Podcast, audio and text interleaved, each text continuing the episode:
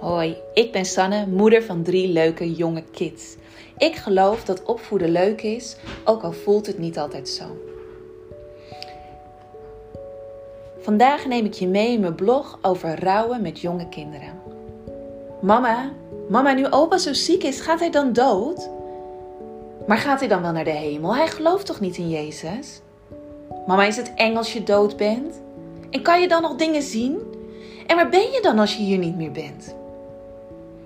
Nog niet zo heel lang geleden werd de vader van mijn man Hans ziek. Hij kreeg het bericht dat hij niet meer zo lang te leven had. Ik moet je eerlijk zeggen dat ik hier als moeder, maar eigenlijk ook als vrouw van, nog niet op was voorbereid. Nog lang niet eigenlijk.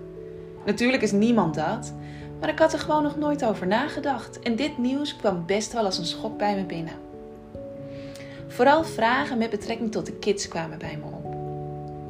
Hoe namen we de kinderen mee in dit proces? Wat gaan we ze vertellen en wat niet? En wat is wel en niet goed? Hoe zorgen we ook nog een keer voor onszelf in dit proces? Wat laten we wel en niet zien?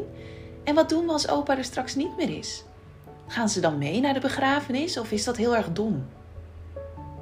Laten we ze zien dat opa in een kist ligt? Nou, misschien niet, ik weet het niet. En zo had ik nog wel honderdduizend vragen die door mijn hoofd schoten. Helaas was het afscheid van opa sneller dan we allemaal hadden kunnen voorzien.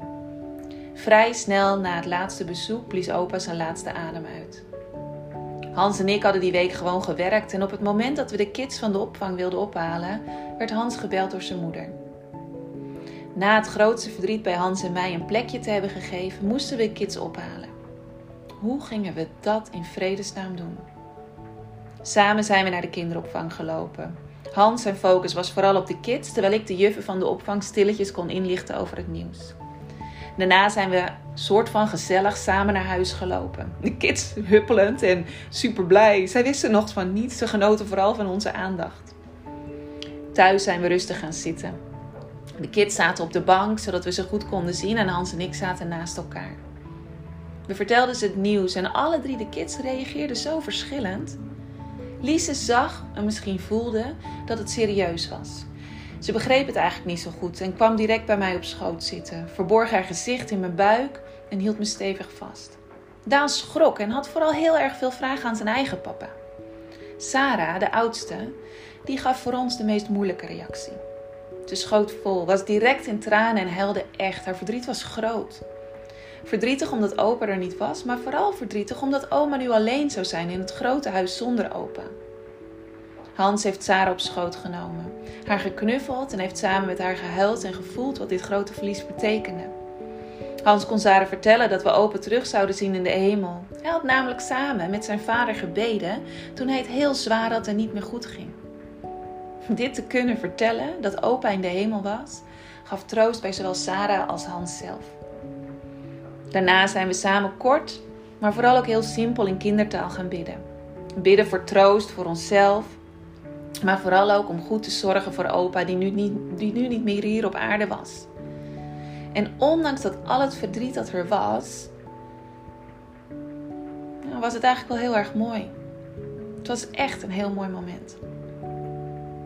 De dagen daarna stonden vooral in het teken van rouwen voor ons allemaal. Zo af en toe was er een traan of een vraag of werd er gedroomd. Op die momenten hielp het om samen even te voelen en te knuffelen. Op sommige vragen konden we antwoorden geven. Op andere vragen wisten we eigenlijk geen echt goed antwoord voor een kind.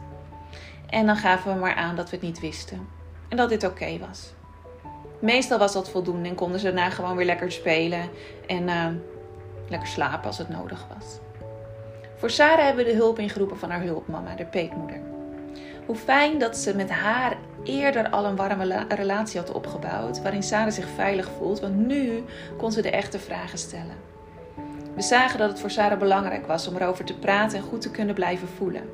Maar ook om te leren hoe ze Gods hulp in dit proces kon gebruiken en op welke manier ze het verdriet, de boosheid en angst een plekje kon geven. Door er met haar hulpmama over te praten, kreeg de situatie een plekje en voldoende ruimte om te kunnen verwerken. Hans en ik kozen ervoor om de kinderen niet mee te laten gaan naar de begrafenis. Op die manier hadden wij de ruimte om samen echt afscheid te kunnen nemen. En hoefden we ons niet bezig te houden met de kinderen die wel of niet netjes zouden zitten, wel of niet uh, heel erg verdrietig waren, stil zouden zijn. We vonden ze nog te jong voor het zien en ervaren van de grote mensendingen, met al het gevoel wat daarbij hoort. Onze kids voelen veel, nemen veel op en dit zou voor ons te moeilijk zijn op het moment zelf om het ze uit te kunnen leggen, om ze ervoor te beschermen. We besloten om afscheid samen met de kids te doen na de begrafenis. Wel zorgden we ervoor dat ze iets konden maken wat mee kon naar de begrafenis. Ze hebben samen met ons twee kaartjes gekleurd voor opa. Eentje voor op de kist die wij mee zouden nemen en eentje voor het afscheid dat we zelf later zouden hebben. De middag dat we de kaarsjes samen aan het kleuren waren was mooi. Ze deden alle drie mega hun best om er iets moois van te maken. Daan kleurde bijvoorbeeld één van het kaarsje rood. Dit was opa die dood was. De andere kant was geel. Dit was de hemel waar opa was. Hij was daar blij, want zijn lijf deed geen pijn meer.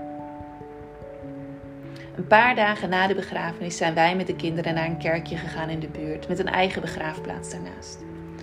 We hebben hier het kaarsje aangestoken en samen gedag gezegd tegen opa. Voor Daan en Lise was dit moment voldoende. Voor Sarah was het nog nodig om daarna nog even te praten. Haar lijf werd boos en ze kon tijdens het gedag zeggen niet verwoorden wat er gebeurde. Alleen met Hans heeft ze kunnen praten en haar gevoel en het afscheid een plekje kunnen geven. Ik ben, terwijl Hans en Sarah aan het praten waren, met Lise en Daan een ijsje gaan halen in de buurt. Sarah en Hans kwamen later aan, zodat we samen ook het leven konden vieren met z'n allen. Want ondanks het verdriet van de afgelopen dagen, zagen we ook allemaal leuke dingen. Dingen die leuk waren, die fijn waren en hoe gezellig we het eigenlijk hebben als gezin.